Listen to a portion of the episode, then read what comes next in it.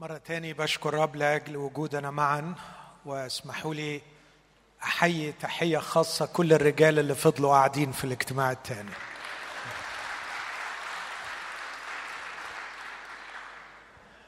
يعني آه، كويس إن هم ما زعلوش مني وعندهم استعداد يسمعوا تاني.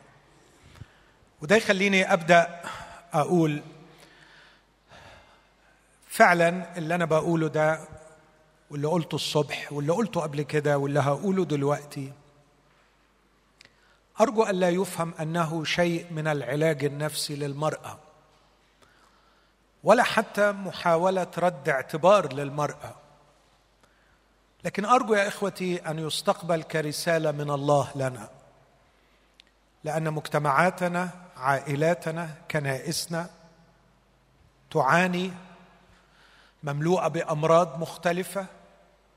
ولا أقول أن امتهان المرأة وعدم إعطائها حقوقها وعدم النظر إليها نظرة صحيحة هو السبب الوحيد لأمراضنا. لكني أزعم أنه أحد أحد أهم الأمراض التي أدت بالكنيسة وبالمجتمع إلى ما هو فيه. أيضا من منطلق آخر أن المجتمع مملوء بالظلم مملوء بالظلم لأبعد حدود. كم من نساء مقهورات بكل معنى الكلمة. كنت من أسبوعين في سوهاج وقعدت مع قريبة لي شابة جامعية. بقول لها قولي لي أحوال البنات في الجامعة زملائك. البنت الحقيقة فاجئتني مش فاجئتني لكن كنت أتصور أننا تقدمنا بعض الشيء. لكن المجتمع الريفي المصري يعيش مآسيه التي كان يعيشها من مئات السنين. قالت لي يا أنكل كل البنات اللي معايا اللي جايين من قرى يا إما متجوزين وحوامل يا إما متحدد لها من وهي صغيرة هتاخد مين. وما عندهاش أي فرصة فرصة إنها تختار ولا تقرر غير كده.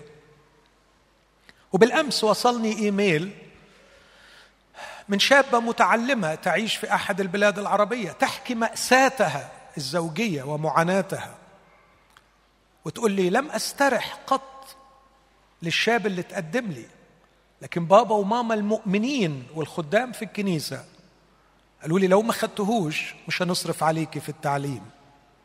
فوافقت. وأنا بعيش حاليا هذه المأساة. القهر الظلم دهس المرأة ونفسيتها.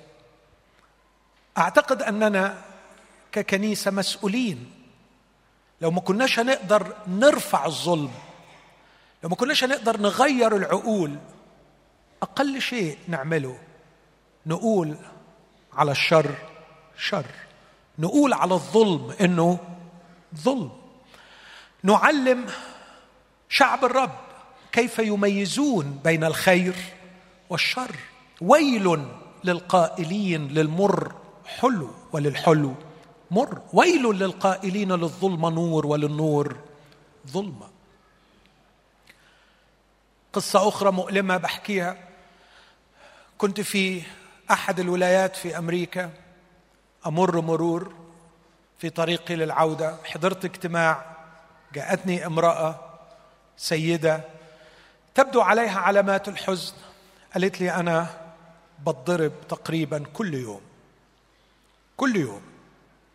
ممكن أوري لك آثار الضرب في جسمي؟ قلت لها من فضلك ما تورينيش أنا مصدقك لكن ده مستمر من إمتى؟ قالت لي من يوم ما اتجوزت. وبعد ما جيتي أمريكا بتضربي كل يوم؟ قالت لي آه. قلت لها من فضلك وعلى مسؤوليتي الشخصية وأتكلم أمام الله. أول مرة يمد إيده عليكي بلغي البوليس. بلغي البوليس فورا.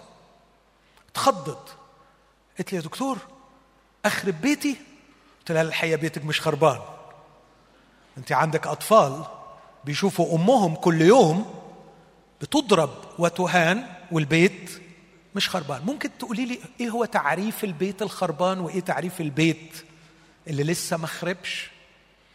عندما تكون العلاقة بين رجل وامرأة في بيت أن رجل يضرب زوجته كل يوم أمام الأطفال. إيه خراب أكتر من هذا الخراب؟ لكن يبدو أن كلامي كان صعب فطلعت تجري جابت لي الخادم المسؤول في الكنيسة. الحق بيقول لي أبلغ البوليس. بص لي بكل محبة وهو صديق عزيز قال لي أنت قلت كده؟ قلت له أيوه أنا قلت كده. ومعقول فعلا عايزها تبلغ البوليس؟ قلت له آه طبعا عايزها تبلغ البوليس. هذا الشخص متوحش لا يعرف معنى الرجولة لا يعرف معنى الإنسانية ينبغي أن يردع. والكتاب المقدس علمنا أن الحاكم مقام من الله للانتقام من فاعل الشر. هذا الشخص فاعل شر أم غير فاعل شر؟ قال لي فاعل شر. قلت له تقدروا توقفوه؟ قال لي لا ما نقدرش. قلت له سيب البوليس يوقفه. بعد عدة شهور مررت من نفس المكان حضرت نفس الاجتماع وجاني الخبر من الخادم. قال لي على فكرة عايز أقول لك وأشاركك باللي حصل. بلغت البوليس والبوليس جه خده قيدوا أمامها راح لمقر الشرطة. وبعدين جم القرايب وابتدوا يتوسلوا إليها علشان تتنازل عن المحضر وتنازلت بعد ما خدوا عليه شروط إنه ما يضربهاش تاني. قال لي بس المفاجأة هم دلوقتي بقيوا زي الفل. قلت له كويس ده يثبت صحة اللي أنا قلته إنه كان محتاج حد يرضعه وما كانش لاقي لا تربية في الداخل رضعته ولا كنيسة ترضعه فكويس إنه في بوليس يرضعه قال لي بس الحاجة الغريبة اللي عايز أقولها لك إنه لما بقول له بعد ما بقوا كويسين قوي قوي قوي ليه كنت بتعمل كده؟ قال له ما هو ده اللي محيرني. هي لما بتزعل من الجتل ليه ما جالتليش قبل كده؟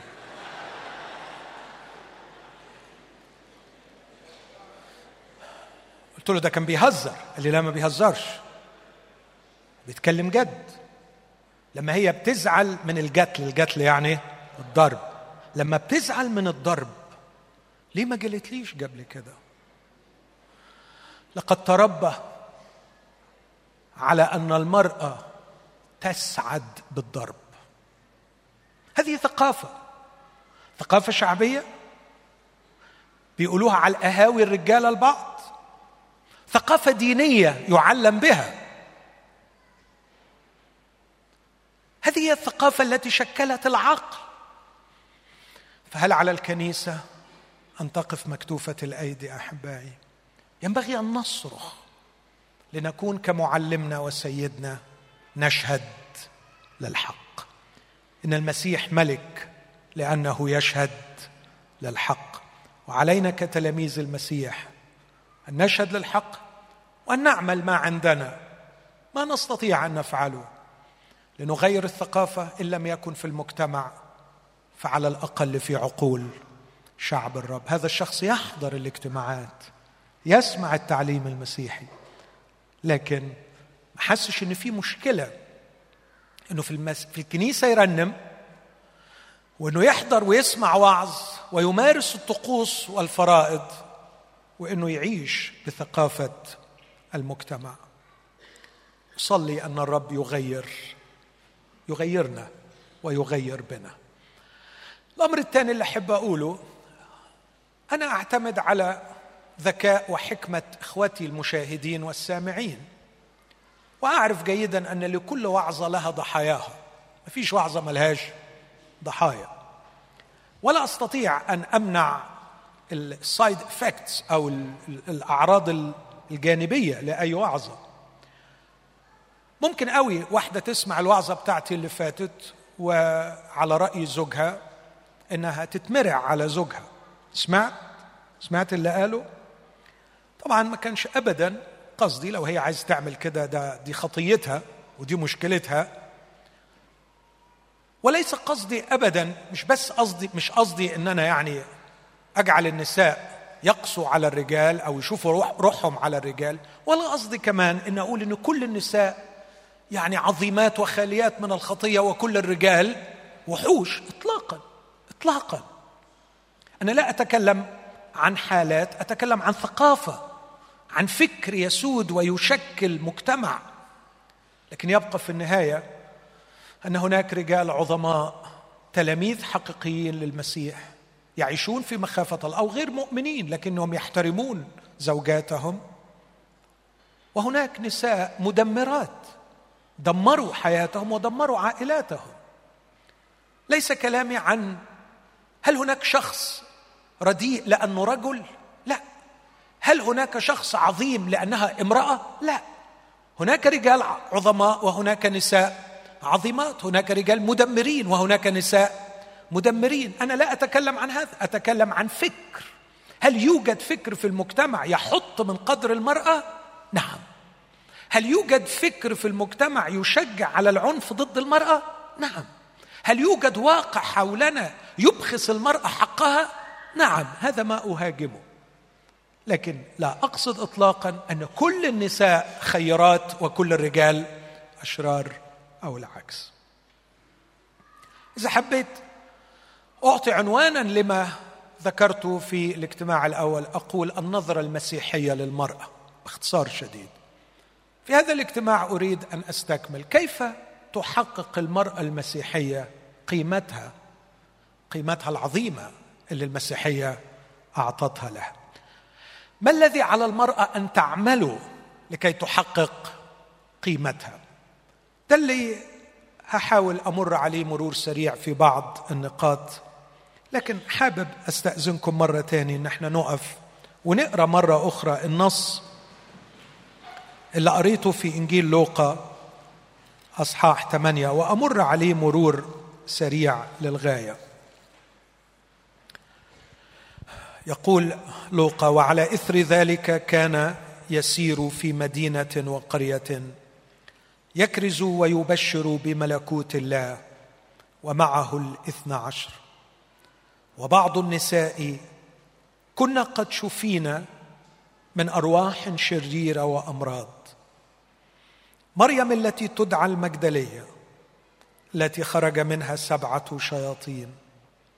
ويونا امرأة خوزي وكيل هيرودس وسوسنة وأخر كثيرات كنا يخدمنه من أموالهن. آمين. هذه هي كلمة الرب. شكرا له. تفضل.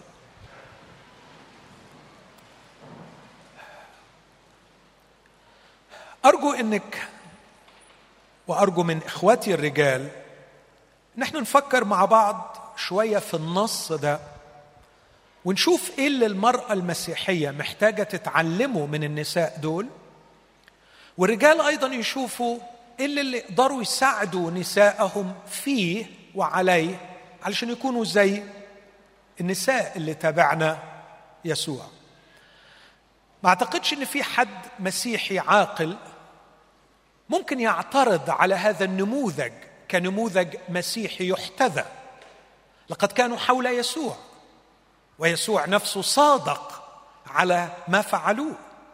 كان يسوع موافقا كان يسوع مصدقا ومصادقا لتبعياتهم له لسعيهم وراءه للانتقال معه من مدينة إلى مدينة.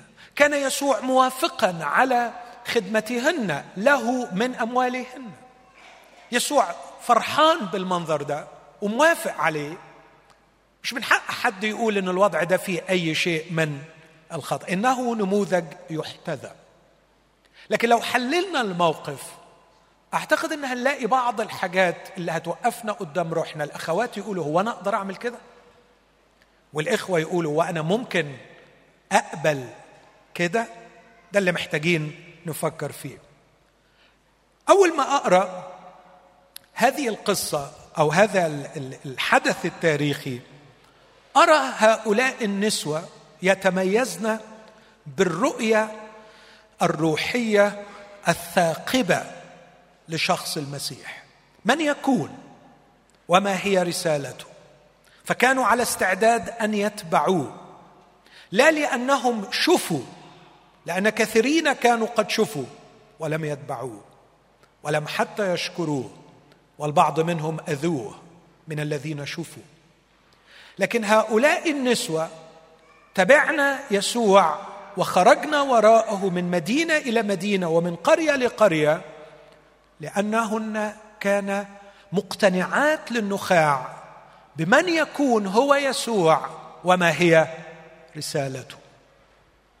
الأمر الثاني كانت لديهن جرأة نفسية فائقة. مش بس كان عندهم رؤية روحية ثاقبة لكن جرأة نفسية فائقة. استطاعت أن تتخطى الحواجز النفسية السياسية الاجتماعية الدينية. فكروا معايا إخوتي في هذا الواقع الذي كانت تعيش فيه هؤلاء النسوة. اسمعوني أقتبس لكم من أحد ربيين اليهود في ذلك الزمن. من يرسل ابنته لتتعلم الشريعة كمن يرسل ابنته لأحد بيوت الدعارة. تخيلين تخيلين الأب بيقول إيه؟ الرب بيعلم الأباء إيه؟ من يرسل ابنته لتتعلم الشريعة عند أحد الرابين كمن يرسل ابنته لأحد بيوت الدعارة. لماذا؟ لأنه كان يعتبر أن المرأة نجسة ولا يليق بها أن تتعلم الشريعة. فتعليم الشريعة للنساء خطأ يرتكبه الرابي الذي يعلمها وخطأ يرتكبه الأب الذي يرسل ابنته لكي تتعلم لأن في هذا إهدار لقيمة الشريعة لأنها تعلم لكائنات نجسه هذا هو المفهوم اليهودي. في ذلك الزمن يقبل يسوع المسيح نساء يخرجن وراءه يجلسن عند قدمه يتعلمن منه ينفقن على خدمته يتبعونه تاركين بلادهم وبيوتهم من مدينة إلى مدينة ومن قرية إلى قرية. يسوع مصادق على كده. لكن السؤال من أين أتينا بالجرأة ليفعلنا هذا؟ أقف أمامهم بكل احترام وأشعر بالخجل أشعر بإني قزم أمام هؤلاء العمالقة. وأنا أرى نفسي أحيانا لا أستطيع أن أتخطى بعض الحواجز الاجتماعية والنفسية في مجتمعنا في القرن الواحد وعشرين بعدما صدعونا بالكلام عن الحرية. من واحد وعشرين قرن استطاعت هؤلاء النسوة أن يتخطين الحاجز النفسي والاجتماعي في بيئة هذا هو وضعها. كان يصلي فيها اليهودي اللهم أشكرك لأنك لم تخلقني امميا ولا امرأة. ترتقي هؤلاء النسوة. تدهس المعتقدات الاجتماعية البالية بحذائها. وهي تتبع معلمها وسيدها. لكن أيضا كانت هناك جرأة تتخطى الحدود السياسية. معروف إن يسوع كان مش مش مقبول سياسيا كان يشكل خطرا عند الكثيرين. هؤلاء النسوة على فكرة ما كانوش كان منهم يونا امرأة خوذي وكيل هيرود السيدة القصر.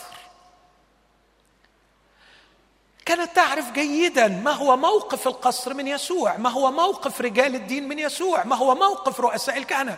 كانت أكثر الكل إدراكا بما يحاك له في الخفاء من مؤامرات. سبع مرات يتعرض لمحاولة اغتيال. سبع مرات. لكنهن عرضن أنفسهن للخطر. وكانوا عارفين أنه في أي وقت هيتبعوا فيه يسوع كانوا معرضين للموت.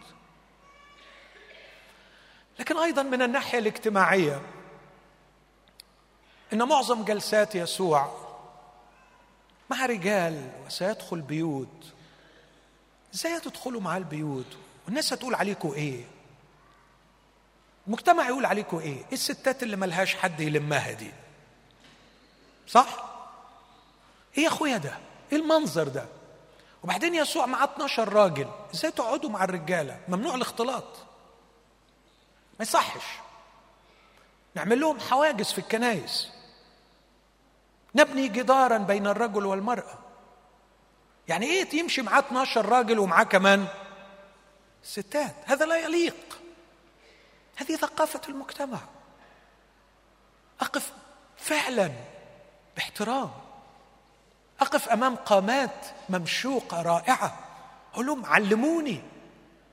كيف استطعتوا أن تنتصروا على الحواجز الاجتماعية. إزاي خطيتوا ده كله؟ أنتوا ما بتخافوش. إزاي قدرتوا بعقل متفتح ترتقين فوق كل الحواجز السياسية والأمنية والثقافية والدينية والفكرية؟ منين الجرأة دي؟ منين الجرأة دي؟ أعتقد إن الإجابة آه على المرأة عندما تحب. آه على المرأة عندما تحب.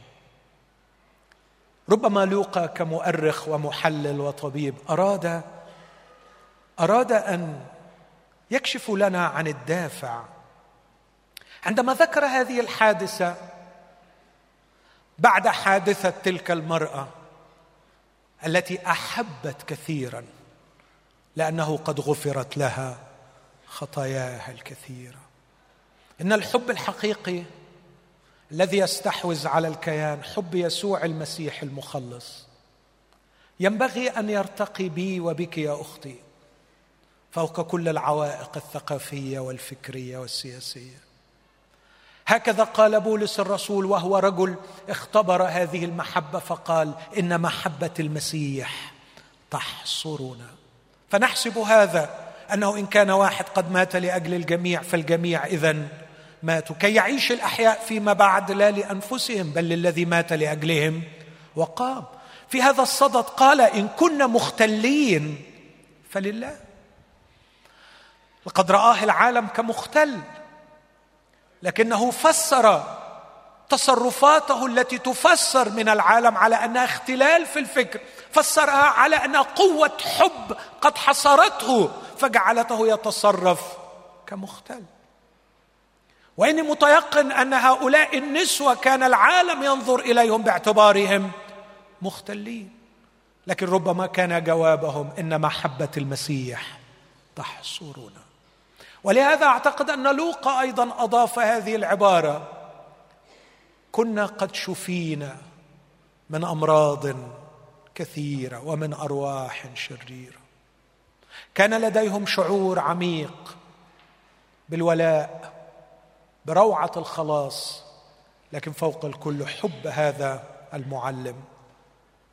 كانت لديهم رؤية روحية ثاقبة كانت لديهم جرأة نفسية فائقة كانت لديهم وحدة روحية راقية. وحدة راقية تخطت الفوارق المادية والاجتماعية. فمريم المجدلية التي كان بها سبعة شياطين مع سوسنة امرأة خوذي وكيل هيرودس ومع سوسنة ومع أخريات. لا مجال للفوارق الاجتماعية لا مجال للفوارق المادية ان محبه المسيح وخلاصه صهرهم في بوتقة واحدة. فلم تعد الأخت تنظر إلى أختها طبقا لوضعها الاجتماعي. أنت مرات مين وأنت بنت مين وأنت عندك إيه؟ هذه هي الثقافة الثقافة الرخيصة التي للأسف أحيانا تحكم الكنيسة. دي بنت مين؟ ومرات مين؟ ومعاها قد إيه؟ هؤلاء النسوة العظيمات ارتقينا فوق هذه هذه الأفكار المتخلفة في وحدة رائعة معا كنساء من مستويات اجتماعية مختلفة. سيدة القصر مع امرأة عادية يتبعن يسوع يخدمنه من أموالهن. لكن أيضا وحدة مع التلاميذ. كيف كانوا مع الرجال في ذلك العصر؟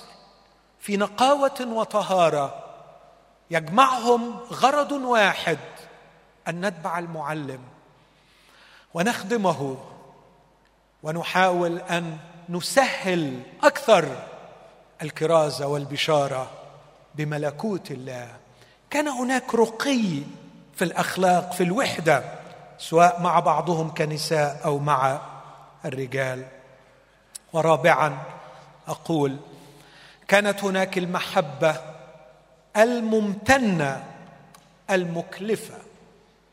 ما كانتش تبعيتهم ليسوع تبعية مريحة لكنها كانت تبعية مكلفة. كان في كلفة نفسية كان في كلفة جسدية. ما أعرفش كانوا بيناموا إزاي. آه، أحد الشارحين اللي علق على هذا الجزء قال من دراستي لهذا الجزء ومن معرفتي بالقرينة أعتقد أنهن كان يذهبن قبل يسوع والتلاميذ إلى المكان الذي كان يسوع عتيدا أن يأتي اليه لكي يعدوا يجهزوا له كل شيء. أستعجب لما بلاقي تهميش المرأة في التدبير للأحداث التي تقيمها الكنيسة. في حين أن المرأة هي القادرة على على رؤية التفاصيل والاعتناء بأصغر الأمور وليس الرجال. وعلشان كده تلاقي دايما الأحداث مليانة بالمشاكل لأن كل اللي مسؤولين عنها رجال. سيبوا النساء تمشيها وتفرجوا.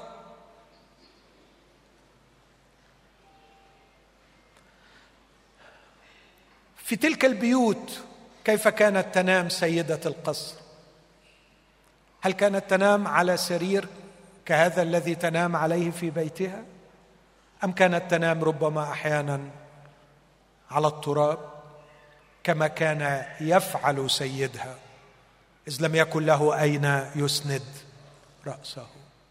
كانوا يأخذن معهن المال لا لكي ينفقوا على راحتهن لكن على معلمهن على خدمته لكي يهيئوا للناس فرصة للاستماع إلى تعليم المسيح. هذا ما جعل هؤلاء النسوة نساء عظيمات. أقول لاخواتي لا أريد أن أعلق على كل نقطة بمزيد من التفصيل لكن تعليق واحد بس في أول نقطة.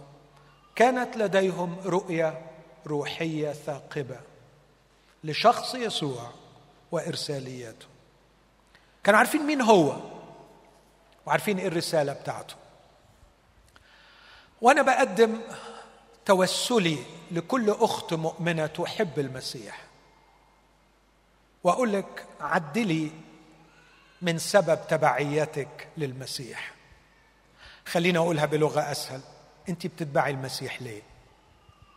لماذا تتبعين المسيح؟ اخشى ان تكون الاجابة لأنه سيعطيني أو قد أعطاني. هؤلاء النسوة كنا قد شفينا من أمراض لكن أحبائي لم يكن هذا السبب أنه يشفيهم لأنه already هو قد شفاهم وخلص. ما كانوش رايحين عايزين حاجة لأنه هو already إدى. هل نتبع المسيح لما سيفعله معنا؟ أم لمن يكون هو. ده سؤال اتركه لضميرك. هل نتبع المسيح لما سيفعله معنا؟ أم نتبعه لمن يكون هو في شخصه؟ من يكون يسوع؟ أتمنى أن الرب يديكي هذه القامة العظيمة. وأسمعك وأنت بتجاوبي السؤال تقولي لا مش بتبع يسوع علشان حاجة هيعملها معايا ولا حاجة هيعملها فيا ولا حاجة هيدهاني أتبعه لأن شخصه حلو يستحق أن أتبعه لأني أحبه لأني أريد فعلا لأني مقتنعه برسالته فأريد أن أكون بالقرب منه وأريد أن أخدمه أريد أن أتعلم منه أريد أن أتغير لصورته أريد أن أتمم مشيئته إني أتبعه لا لمغنم أو لمطمع لكن لأنه جدير. بالعلاقة والتبعية. ثم ممكن أسمعها تقول على فكرة أنا ما فكرتش. أنا ما فكرتش في السؤال أتبعه ليه؟ ما لحقتش. أنا لقيت روحي متخذه مشدودة ليه؟ أنا ما عدتش أحسبها أنا أتبع ولا ما أتبعش. أنا أنا ما عدتش أخطط. لكن منذ أن عرفته وجدته نهرا يروي عطشي وجدته شخصا يحتويني يحبني. لا أستطيع أن أعيش بدونه. أنا منجذبه إليه. هياخدني لصعب لسهل. هياخدني للموت هياخدني للراحة. ما أعرفش كل ده ما فكرتش فيه. هيديني ولا مش هيديني؟ عمري ما فكرت في كده. واحدة منهم مظلومة معانا كتير. ما بنذكرهاش كتير بتقدير لكن أتمنى أن نعيد إليها قدرها. مرثا أخت مريم. مرثا قال لها يسوع مرثا أنا هو القيامة والحياة. من آمن بي ولو مات فسيحيا. وكل من كان حيا وآمن بي فلن يموت. أتؤمنين بهذا يا مرثا؟ جميل يسوع في حبه لتلميذاته واعتناؤه بهم واعلانه وكشفه وتوقعه إن هم كبار بالقدر الكافي إن هم يستقبلوا هذه الإعلانات الراقية. ده إعلان خطير جدا. ممكن نقعد ساعتين نتكلم في عمق هذا الإعلان. اعلنوا لمرثا مش للتلاميذ. أنا هو القيامة والحياة. واحد من أخطر وأسمى الإعلانات جاء لمرثا. مرثا لم تستطع أن تستوعب كل عمق هذا الإعلان لكن ردت ردا يشرفها إلى أبد الآبدين أتعلمه منها. يا سيد وإن كنت لا أفهم كل تعليمك لكني أعرف من هو شخصك. أعرف من تكون أنت. أنا لا أفهم ما تقول. إن كلامك عن أنك أنت القيامه وأن كل من آمن بك لا يموت. صعب يا سيدي يا معلمي أن أدرك أبعاده. فهو يحتاج لبولس يشرح لنا في رسائله قوة وعمق هذا التعليم. لكن اسمعني يا معلمي أقول لك أنا آمنت. أنك أنت المسيح ابن الله الآتي إلى العالم. تخيلوا هذا هو إيمان مرثا سيدي أنا أؤمن. لا أؤمن بأنك صانع المعجزات شاف المرضى محرر المساكين. شو هو ده إيماني؟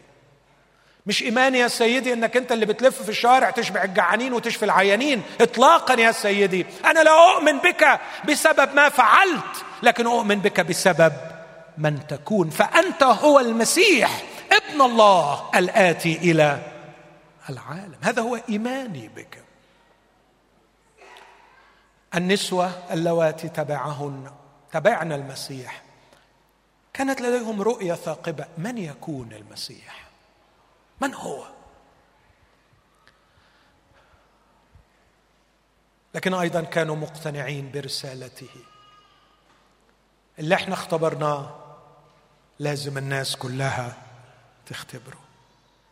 ودي جميل إن الروح القدس بقلم لوقا الطبيب في النص كده يقول كان على إثر ذلك كان يسوع يذهب إلى مدينة وقرية. خدتوا بالكم أول مرة ألاقي الكلمتين دول مع بعض يكرز ويبشر.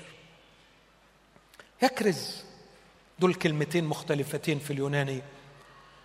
الكرازة هي أن تضع الحقيقة بجوار الحقيقة كالعقد المنظوم فيقتنع السامع. تسرد الحقائق لتقنع. البشارة هو محتوى هذه الحقائق أنه خبر صار. ونحن لدينا خبر صار. وعلينا أن نقدمه بطريقة صحيحة.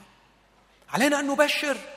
وعلينا أن نكرز وربما هؤلاء المريمات كانوا بيقولوا إحنا لسه مش قادرين نبشر ومش قادرين نكرز لكن سنسير معه نخدمه لأننا نريد أن كل فرد في بلدنا كل امرأة وكل رجل يسمع الخبر ويسمعه بهذه الطريقة سنسير مع يسوع ندعمه وهو يبشر وهو يكرز. كانوا مقتنعين بالرسالة الرسالة العظيمة. كانوا مدركات لاحتياج الأمة في ذلك الوقت. ما كانش احتياج الأمة شفاء الأمراض لكن كان احتياج الأمة الأعظم للكرازة بملكوت الله. فكانوا يسيروا معه وهو يكرز ويبشر. هل لدينا هذه الرؤية ليسوع المسيح؟ ما جعل هؤلاء النسوة عظيمات؟ رؤيتهن الروحية الثاقبة. ثم جرأتهن النفسية الفائقة.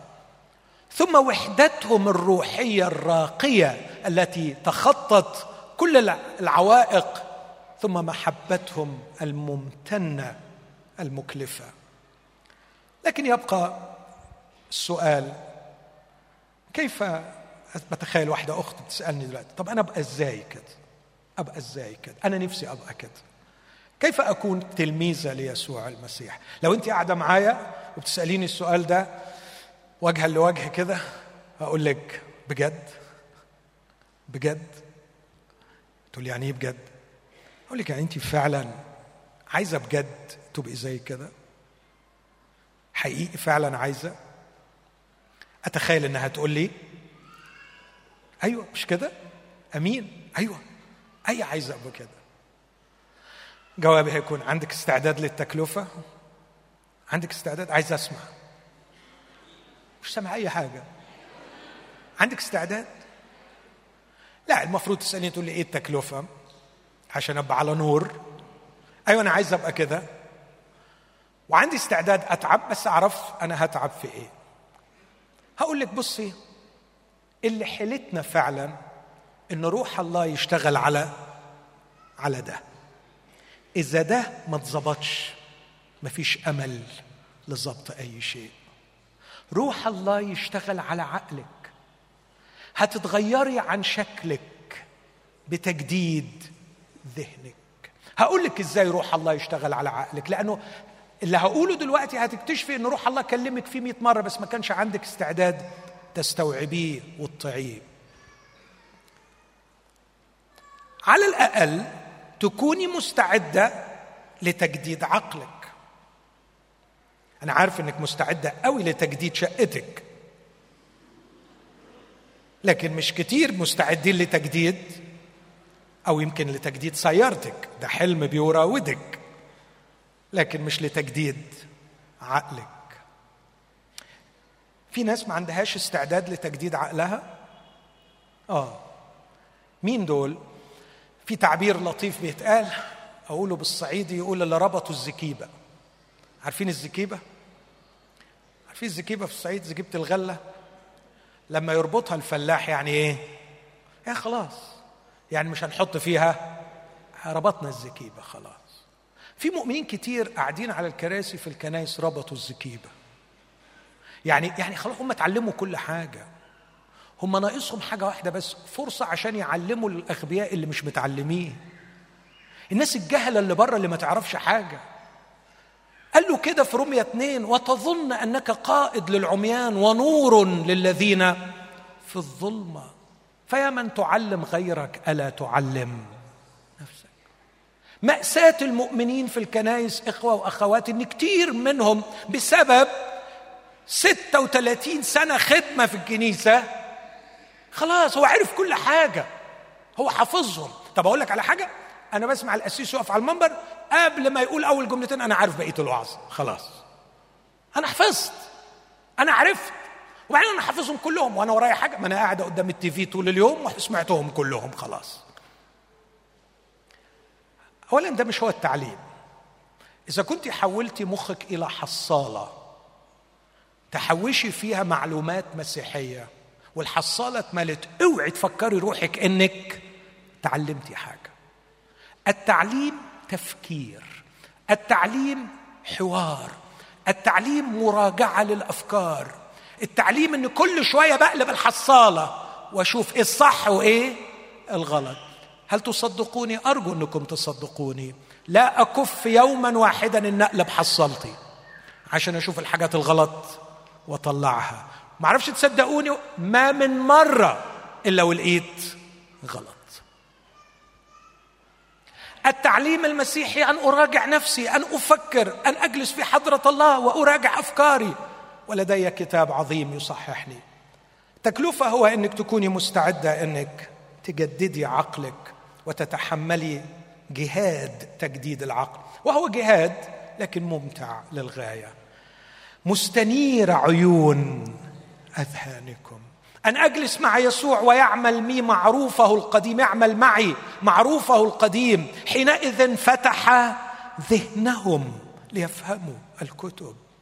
أن أختبر ما اختبره كاتب المزمور وهو يقول فتح كلامك ينير يعقل الجهال. أنا أختبر ما قاله داود شهادات الرب الصادقة تصير الجاهل. حكيما. إن يكون عندي إصرار عميق إن عقلي يتجدد بكلمة الله هقعد وهجاهد وهكافح وهذاكر وهقرأ. عايز عايز استنير. مش عايز أكون شخص حافظ معلومات. عايز أكون شخص منور. لأن الذين يردون كثيرين إلى البر هم الذين يضيئون كالكواكب. اللي استناروا بينوروا. مش اللي حفظوا وبيسمعوا لكن الناس تنورت فقادرة إنها تنور الآخرين. ليه ما بنتغيرش كنساء وكرجال؟ لأنه بنحفظ مش بنستنير بالروح القدس. هقولك على بعض الحاجات اللي محتاجة ترفضيها وتبدأي تشتغلي عليها وتغيريها. هقول سبع حاجات معرفش اقف قدام واحدة ولا اتنين منهم. ارفضي انتظار أن تأتي قيمتك من الناس. فالقيمة يا أختي لا تكتسب من الخارج لكنها تأتي بتفعيل جوهر الداخل. أقول تاني الفكرة دي؟ من أكثر الأشياء اللي بتؤلمني عليك شعورك العميق بأنه ما فيش قيمة. أنا موافقك ومتألم عليك إنك حاسة الإحساس ده. بس عتابي عليك إنك مستنية جوزك يديك القيمة ومستنية الكنيسة تديك القيمة ومستنية المجتمع يديك القيمة. تقول لي ليه بتعاتبني؟ ما انت الصبح نبحت حسك علشان يعملوا كده. أقول لك صح وهفضل انبح حسي لغاية ما أخلع هذا الجسد. هقول علينا أن نعطيها القيمة. لكن لو قعدتي مستنية تحت رحمتهم قد ينتهي عمرك دون أن تحصلي على هذه القيمة. ثم القيمة الحقيقية اسمعيني في اللي جاي ده. القيمة الحقيقية ليست شيئا يمنح من الخارج لكنه بتفعيل جوهر في الداخل. أن أكون أنا إنسان عظيم أكون أنا إنسان عظيم مش إن حد يعلق لي يافطة إن أنا عظيم. أنا عمري ما شفت حد علق لحد يافطة إنه ما حصلش وطلع فعلا ما بيحصلش. الشخص العظيم عظيم. مش لأن الناس عملته عظيم. تقول لي لا ما في. أيوه صح الناس بتعمل ناس عظمى. بس اديها يا حبيبي خمس ست سنين وبعدين؟ بيقع بيبان وبتكشف كل حاجة. القيمة الحقيقية تأتي بتفعيل جوهر الداخل. كوني عظيمة في ذاتك في الداخل. تقول لي أنا مستغربة قوي من اللغة اللي أنت بتقولها دي. يا عم علمنا التواضع مش تقول كوني عظيمة. أقول لك على فكرة الرب يسوع قال إن أراد أحد أن يكون عظيما فليتب إلى الله ويستغفر الله ويقول أبانا الذي عشر مرات؟ لا. إن أراد أحد أن يكون عظيما فيكون لكم خادما. لا الرب يسوع عايزك عظيمة. عايزك من النسوة دول. بشرط أن تفعلي هذا الجوهر الداخلي. تقول لي طب أفعله إزاي؟ أنا خلاص أنا موافقة. أنا بعد وعظة الصبح اقتنعت إن أنا جوايا إمكانيات جبارة ممكن لو اتفعلت أبقى امرأة عظيمة تخدم الله خدمة عظيمة زي الستات دول. وزي اللي أنت حكيت عنهم الستات الكتار أو اللي حكيت عنهم. ومش كل الستات حكيت عنهم طبعا في أكتر من كده. أنا عايز أبقى زيهم. أقول لك أول شيء اعمليه لتفعيل القيمة الداخلية. اعرفي ما هو أكبر شيء يهدم القيمة الداخلية وهو الخطية. الخطية. الكتاب المقدس من زمان قال عار الشعوب الخطية.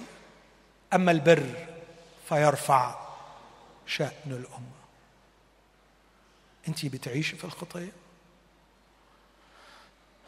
أنت حابة الخطية؟ ما تدوريش على القيمة طول ما فيه خطية. أكبر مصدر لقلة القيمة مش الرجالة ولا المجتمع لكن الخطية. آه يا إخوتي الأحباء ما أبشع ما تفعله الخطية في نفوس الناس. الخطية بتخليك كائن لا يحتمل.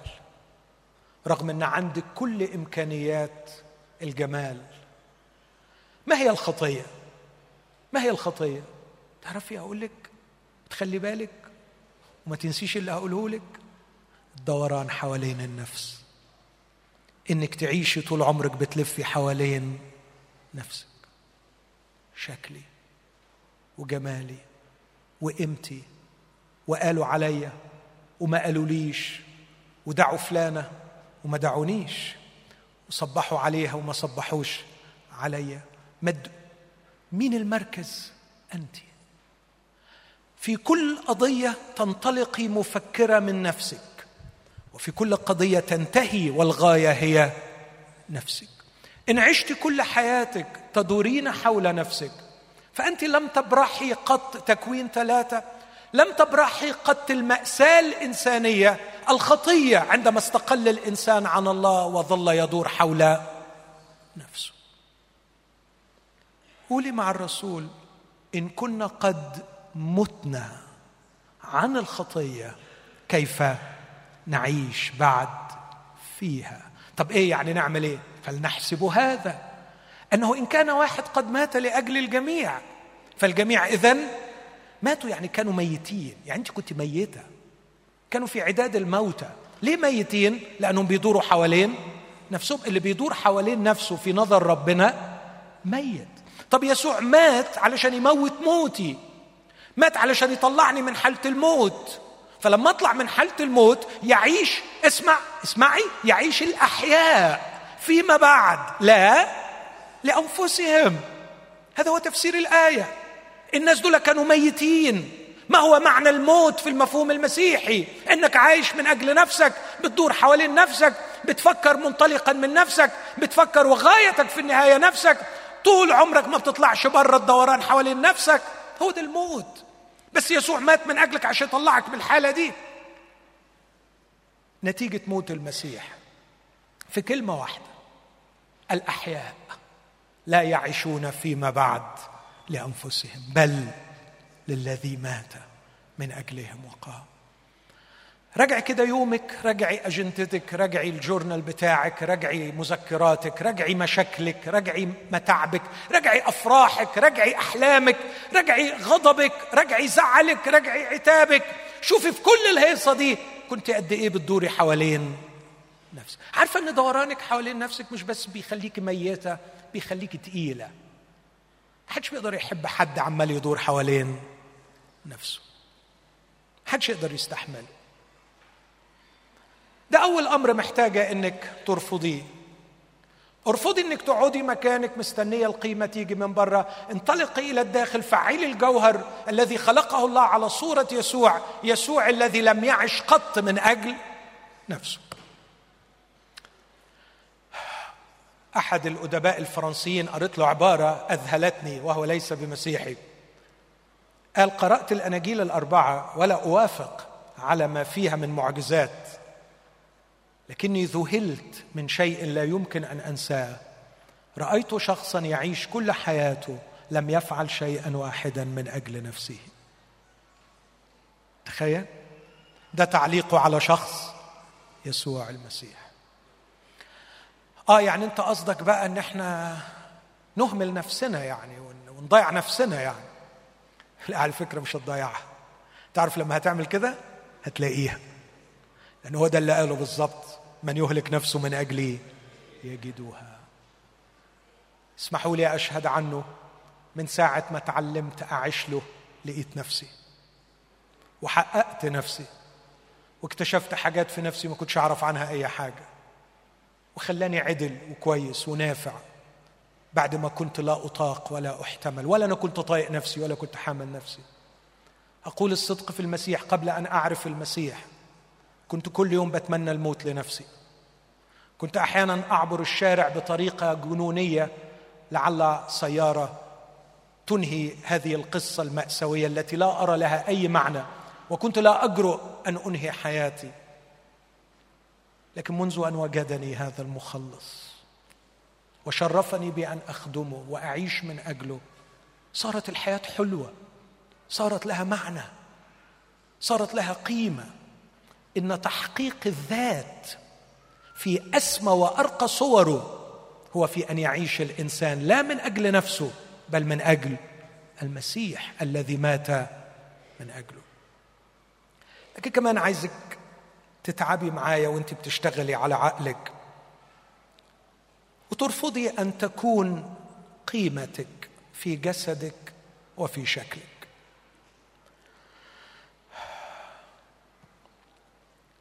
أنا ابدا مش ضد اهتمامك بشكلك من فضلك اهتمي بشكلك. لأنه المجتمع حوالينا حتى هيقيم أفكارك وكلامك من منظرك فاهتمي بشكلك. لا تهملي منظرك قط. اخرجي للعالم وأنت مهندمة مرتبة في أفضل صورة. بل وعيشي في بيتك في أفضل صورة. لا شك أن الرب قصد أن تكون المرأة جميلة في منظرها وفي شكلها وفي هندامها. والكتاب تكلم كثيرا عن الزينة. عندما أشار بطرس لا تكن زينتكن الزينة الخارجية من ومن ومن. كان بطرس بلا شك في ذهنه تلك الأجزاء العظيمة في كلمة الله في سفر إشعياء وفي سفر عموس. عن نساء اليهود عندما جعلوا كل حياتهم ومشغوليتهم هي الزينة فجلبوا القضاء على أنفسهن. لقد فسد المجتمع اجتماعيا وكان هناك ظلم اجتماعي لأن الأغنياء توحشوا في غناهم وأهملوا الفقراء. وكان كل اللي بتعمله النساء الغنيات إن عمالة تزود فيه الزينة. كان بطرس كيهودي تقي يعرف أن قضاء الله وقع على الشعب في يوم من الأيام لأن الشعب كان تافها سطحيا ما بتعملش حاجة الستات فيه غير الزينة. فبطرس بيقول أوعوا أوعوا تمشوا في السكة دي. لكن اعملوا اللي كان بيقوله ماهر من شوية لتكن زينتكن زينة الروح الوديع الهادي إنسان القلب الخفي الذي هو قدام الله كثير الثمن. يعني باللغة العصرية بتاعتنا فعلي الجوهر العظيم الداخلي. مش تركزي على اللي بره. اللي بره مهم لكن مش هو أنت. أقتبس سي إس لويس المفكر المسيحي العظيم. اسمع العبارة دي. أنت لا تملكي نفسا. اوعي تفكري إنك you have a سول أنت ليس تملكي نفسا. أنت نفس تملكي جسد. أنت من جوة نفس روح تسكن في هذا الجسد. اجعلي الجسد سليما صحيحا جميلا. لكن إيه قيمة بيت جميل يسكنه شبح؟ يسكنه شخص بلا قيمة. المجتمع صدر لك الأكذوبة إن قيمتك قدام الناس في شكلك في جسمك. صدر لك الأكذوبة دي وأنت صدقتيها. وعشان كده أحيانا تنامي ودموعك على خدك لأن شكلك ما عادش عاجبك. وأحيانا تبقي غضبانة على كل اللي حواليك لأن في شوية تجاعيد ظهروا مش عايزين يختفوا. أحيانا تبقي مش طايقة روحك وتاخدي مضادات اكتئاب لأن في ثلاثة كيلو زيادة بوظوا شكلك. اهتمي إنك تنزلي الثلاثة كيلو. وخلي بالك من شكلك لكن اوعي تعيشي علشان شكلك. ارفضي أن تكوني القيمة في الخارج. لكن أيضا اسمعوني في الأمرين اللي جايين دول بسرعة. ارفضي أن يكون الحب محل الله وأن يكون الزواج هو مصدر المعنى في الحياة. محتاج وقت كتير علشان أتكلم في الكلام ده لكن عايز أقول كلامي للشابات الصغيرات اللي لسه ما اتجوزوش. اللي اتجوزوا خلاص فقدوا الأمل في الكلام ده. عايز اكلم اللي ما اتجوزوش وعايز أتكلم المتزوجات حديثا في صراع. الحب الرومانسي جميل ولا يستبدل بحب آخر. ركزوا معايا في اللي بقوله عشان الوقت بيداهمني. الحب الرومانسي جميل ولا يمكن أن يستبدل بحب آخر. الله كان يعرف أن آدم سيحب وهو سيحب آدم لكن في نفس الوقت الله شاف إن آدم محتاج لحب رومانسي يرتبط فيه بامرأة. الله يقدر الحب الرومانسي ويعرف أن بداخلي فراغ لا يملأه إلا الحب الرومانسي. الله يعرف أن في داخلك احتياج لحضن رجل. تماما كما يعرف أن الرجل بداخله احتياج لحضن امرأة. الله يعرف هذا جيدا. لكن لازم تعرفي إن في فراغ أكبر وأعمق جواكي لمحبة الله. إنها منتهى الحماقة أن تتصوري أن الحب الرومانسي يستطيع أن يملأ فراغه ويملأ فراغ محبة الله. هذا هو الجنون الذي حدث في الفترة الأخيرة. لما بسمع الأغاني عن الحب الناس مش بتكلم حبيب الناس بتكلم ربنا. مرة وعظت الوعظة دي بالعنوان ده تفسيرات كارثية لإشارات داخلية. بتيجي إشارة من جوه امبلس جاية من جوه بتصرخ بتقول عايزة محبة ربنا. فتطلعي تجري ترمي روحك في حضن راجل. وهتلاقيه مقفول. فتعملي إيه؟ تغضبي وتتحسري كل الستات متهنية إلا أنا المنحوسة وكستي منها لله أمي دبستني في الراجل ده حضنه مقفول على طول ربنا يريحني منه. ده اللي جوه بيطلع. على فكرة أنت من حقك هذا الحب الرومانسي. لكن الغباء هو إني أستمع لصرخات اعماقي التي تشتاق لمحبة الله وافسرها على إنها اشواق لمحبة رجل. يبقى للرجل مكانه فيك لكن يبقى لله مكانه الأعظم في داخلك. ولا يمكن لمحبة رجل أن تملأ الفراغ الذي أعده الله لمحبته هو. واضيف حاجة وأقول لو امتلأت بمحبة الله أقدر أتحمل حرمان الحب الرومانسي. أقدر أتحمله. ما بقولش الحياة هتبقى وردية. ما بقولش الحياة هتبقى جميلة لكن وريني حياة وردية anyways يعني. وريني حد عايش حياة وردية خالص يعني. من فضلك لو أنا يعني مش واخد بالي بس أنا تايل أنا واخد بالي كويس. أنا مش متكبر في رأيي بس أعتقد إنه صحيح يعني. فين اللي عايش حياة وردية؟ الحياة كلها ألم ومعاناة. لكن عندما يكون قلبي ممتلئ بمحبة الله أستطيع أن أواجه الحرمان من الحب الرومانسي.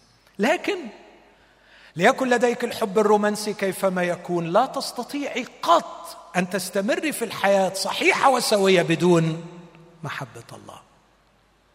محبة الله تقدر تخليني أواجه الحياة وأنا محروم من الحب الرومانسي. لكن الحب الرومانسي بدون محبة الله مستحيل. يديني قوة للمواجهة. طبعا أفضل شيء يبقى عندي الاثنين. لكن لو مش موجود الحب الرومانسي ما خربتش الدنيا. لكن النقطة بتاعتي هو غباء التبديل. فأنظر للحب الرومانسي على أنه شوقي وصرختي للحب الإلهي. الصبح اقتبست أغاني عربي وأنا متأكد إنه كثير من شبابنا اليومين دول ما بيسمعهاش يعني. بس ده ما يمنعش إنها بتشكل العقل. لكن اسمعوا مثلا جون ليجند بيغني أغنية اسمها All of Me. كلي ترجمت بعض ال ال الأعداد منها. بتقول له أو هو بيقول لها ماذا كنت أفعل بدون فمك الزكي. أغرقني فيك أغرقني فيك امراه تتكلم أغرقني أو حبيب بيكلم حبيبه هتكلم بلغة المذكر. أغرقني فيك وأخرجني منك كلي يحبك. أعطني كلك لي وأنا كلي صرت لك. اسمعي تقول للحبيب أنت بدايتي وأنت نهايتي. حتى وأنا خاسرة أنا رابحة لأني أعطيتك كل ما أنا ولأنك أعطيتني كل ما أنت. قولوا لي من فضلكم ده حد بيكلم بني آدم ولا بيكلم ربنا؟ ده بيكلم ربنا. ده كلام ما يتقالش إلا لربنا. وهذه هي العبادة الوثنية في صورها الحديثة. لقد صرنا نعبد الحبيب المزعوم بدلا من أن نعبد الله. أقرأ لكم أغاني تاني؟ أليشيا كيز بتقول له البعض يعيش من أجل الثروة والبعض يعيش لمجرد الشهرة وآخرون يعيشوا من أجل القوة. البعض فقط يعيشون للعب اللعبة. البعض يظن أن الأشياء المادية تشرح صرختنا الداخلية. كنت مثلهم قبلا يا حبيبي لكن هذه الحياة خاوية مليئة بالسطحية. البعض يريد كل شيء لكني لا أريد أي شيء الاك انت يا حبيبي. لو لم تكن أنت لدي ليس لدي أي شيء. البعض يريد خواتم من الماس البعض يريد كل شيء لكن الكل لا معنى له لو لم تكن أنت لدي.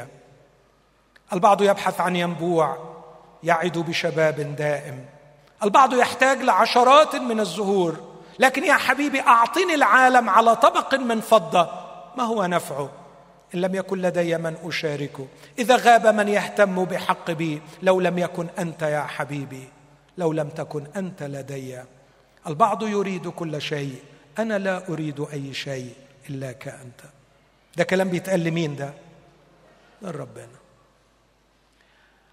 عايز أقول للشابات اللي لسه ما اتجوزوش أعتقد لو حللت أحلامك عن فتى الأحلام غالبا أنت بتحلمي بالله وأنت مش دريانة. وده بيعلي توقعاتك قوي من الجواز. فلما بتتجوزي مستنية إن الزوج بمحبته الرومانسية يحقق لك أحلامك اللي كنت بتحلمي بيها. ومن هنا بتيجي كل النكت على الجواز. إنه مقلب وإنه برميل مش عارف إيه عارفين ال... دي غلط. لأنه الزواج مرتب من الله. لكن ربنا ذنبه إيه؟ إذا كنتوا أنتوا توقعاتكم من الزواج هي ما تتوقعونه من الله. فوقي شوي فوقي. فوقي وحطي الحب الرومانسي في مكانه. مكانه قد كده ما ياخدش قد كده. لم يقصد الله أن الحب الرومانسي يحل محل الحب الإلهي. نحن مصممين للحب الرومانسي لكن قبل أن نصمم للحب الرومانسي صممنا لكي نرتوي بمحبة الله. ولو لم ترتوي بمحبة الله ولا مئة راجل رومانسي هيعرف يشبعك ويملى فراغ نفسك. طبعا بعض الرجال هيكونوا ضحايا للوعظة دي وهيسمعوا يقول بس ريحتنا الله يطول عمرك عشان ما تفلقنيش بعد كده وتقول لي حبني أهو أقول لها بيقول لك خدي محبة ربنا واستكفي. أنا ما قلتش كده. لكن البعض أيضا يخطئ إذ يتصور أن الزواج يعطي المعنى للحياة. الزواج ترتيب إلهي. ليكن الزواج مكرما. بس ربنا ما رتبش الزواج عشان يكون هو اللي بيدي المعنى لحياتنا بحيث لو ما اتجوزتيش حياتك ملهيش ملهاش معنى. ده كذبة.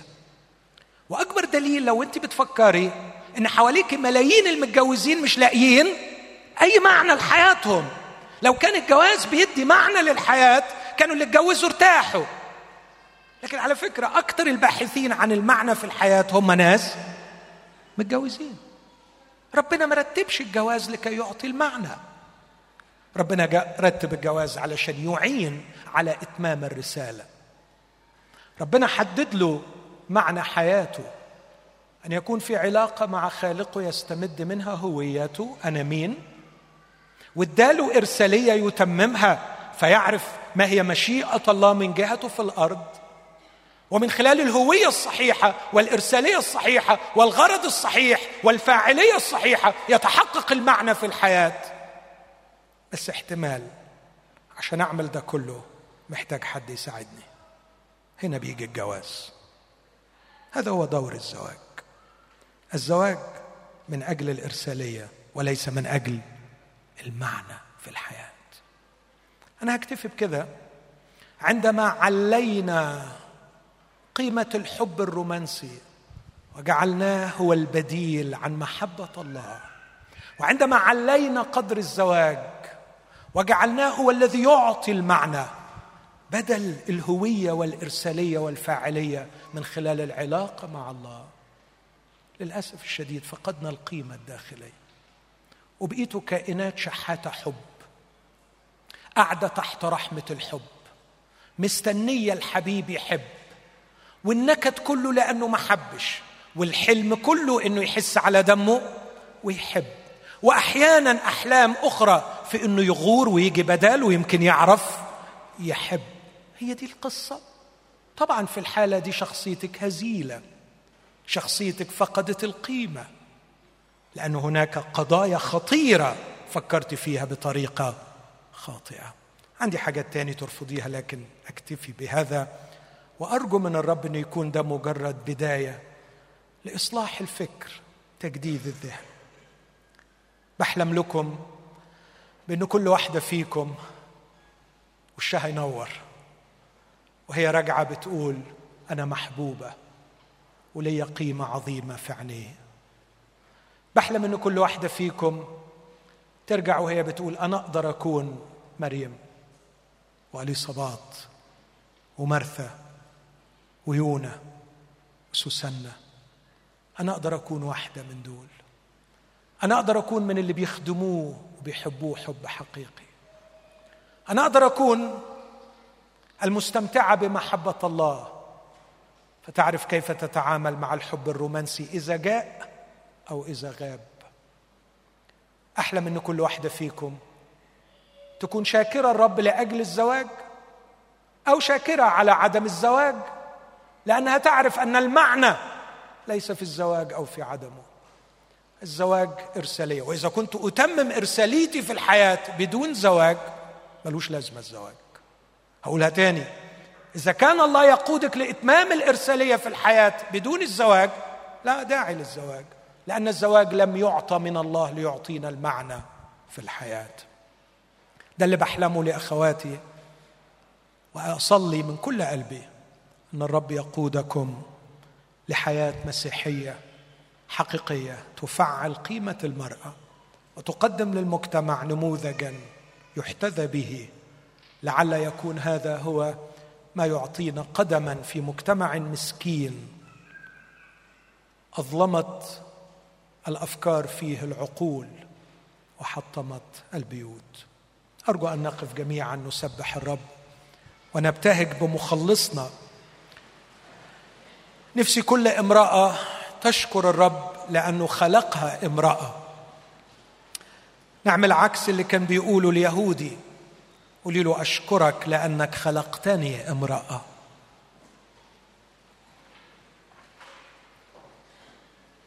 وعندما فسد ما خلقت أرسلت يسوع ليفتديني. يرد نفسي يهديني. يسوع بيحبك ومات من أجلك لكي يسترجع المرأة الحقيقية فيك. يفدي المرأة يفدي الأنوثة الحقيقية مما أصابها من تشويه. صرخي معايا للرب قولي له فكني من أي خطية تعطل تفعيل قيمتي كامراه